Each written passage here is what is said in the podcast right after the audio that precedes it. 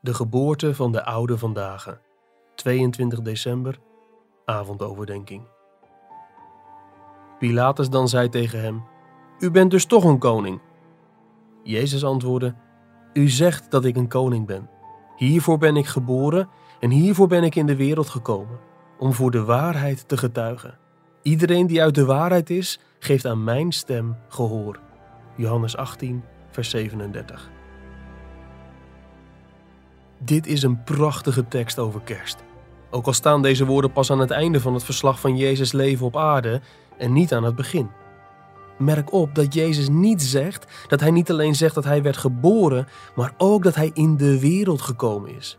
Het unieke aan zijn geboorte is dat hij er al was voordat hij ter wereld kwam. Hij bestond al voordat hij in de kribbe werd gelegd. Het wezen, de persoonlijkheid en het karakter van Jezus van Nazareth bestonden al voordat de mens Jezus van Nazareth werd geboren.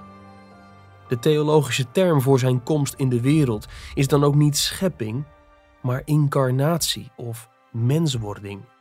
Niet zijn lichaam, maar wel de wezenlijke persoonlijkheid van Jezus bestond al voordat hij als mens geboren werd. Zijn geboorte betekende niet dat er een nieuw persoon ter wereld kwam, maar een oneindig oud iemand 700 jaar voor de geboorte van Jezus zegt Micha 5 vers 1 het zo. En u, Bethlehem Efrata, al bent u klein om te zijn onder de duizenden van Juda, uit u zal mij voortkomen, die een heerser zal zijn in Israël. Zijn oorsprongen zijn van oudsher, van eeuwige dagen af. Het wonder van de geboorte van Jezus is niet alleen dat hij geboren werd uit een maagd. God wilde dat wonder gebruiken om te getuigen van een nog groter wonder. Namelijk dat het kind dat met kerst werd geboren iemand is die al van oudsher, van eeuwige dagen af, bestond. Zijn geboorte had dus een duidelijke bedoeling. Voordat hij werd geboren, dacht hij over die geboorte na. Samen met zijn vader had hij een plan gemaakt. En iets van dat grote plan bracht hij in de laatste uren van zijn leven op aarde onder woorden. Hiervoor ben ik geboren. En hiervoor ben ik in de wereld gekomen, om voor de waarheid te getuigen. Iedereen die uit de waarheid is, geeft aan mijn stem gehoor.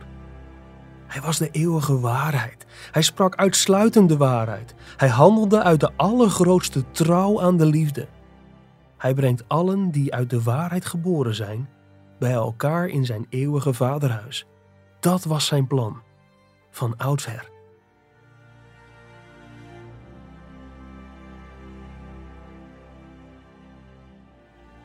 Je luisterde naar een overdenking uit het boek Onwankelbare Vreugde van John Piper.